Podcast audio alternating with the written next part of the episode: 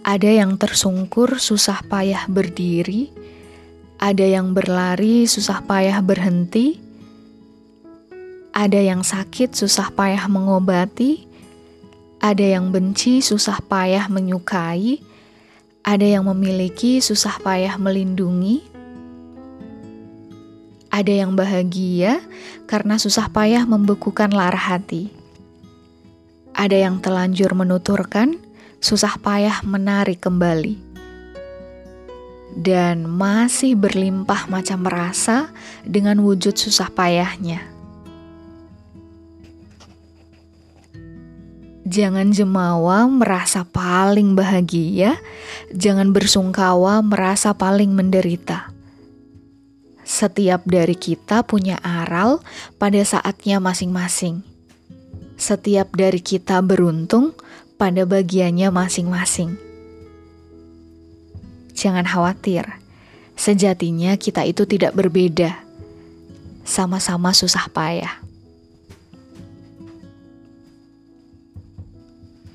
Halo, selamat malam. Lama ya kita nggak ketemu? Berbicara mengenai merasa paling, pasti kita sebagai manusia sering merasakannya baik itu merasa paling bahagia atau paling menderita. Tapi mungkin yang lebih ketara adalah ketika kita merasa paling menderita.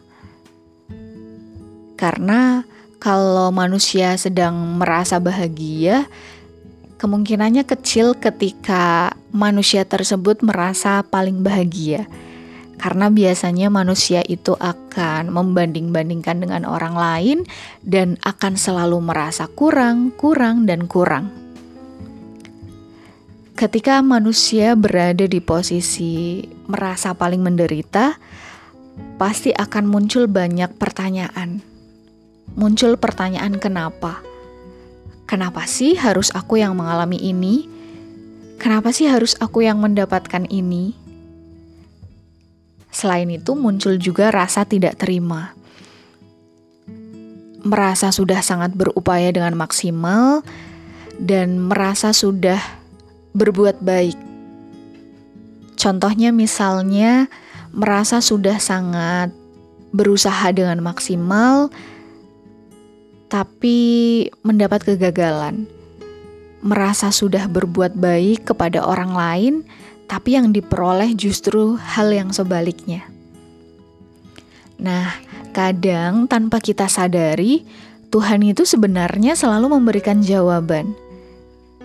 Entah melalui ketika kita melihat orang lain atau berbicara dengan orang lain. Dan ketika kita melalui keduanya, baik itu melihat atau berbicara dengan orang lain, pikiran kita jauh lebih terbuka. Lebih terbukanya bagaimana? Lebih terbukanya adalah kita akan menjadi sadar bahwa ternyata yang kita alami atau yang kita rasakan itu juga dialami dan dirasakan oleh orang lain. Atau sesuatu yang kita alami dan kita rasakan ternyata itu tidak seberapa dibandingkan dengan yang orang lain alami atau orang lain rasakan. Di samping itu, biasanya juga ketika kita bisa menerima, akan banyak pertanda dari Tuhan yang bisa kita lihat. Akan ada hal-hal yang membuat kita bisa mengatakan, Wah, untung kemarin aku mengalami ini, sehingga hari ini aku mendapatkan hal baik ini. Wah, untung kemarin aku mengalami ini, sehingga aku terjauh dari keburukan itu, dan seterusnya. Dari situ, aku jadi makin percaya bahwa rencana Tuhan pasti yang terbaik aku juga menyimpulkan bahwa salah satu kunci dari kebahagiaan itu ya penerimaan dan ketenangan. Karena ketika kita bisa menerima, kita bisa tenang dengan takdir yang diberikan oleh Tuhan, kita jadi lebih bisa untuk melihat kebaikan-kebaikan yang ada di dalamnya.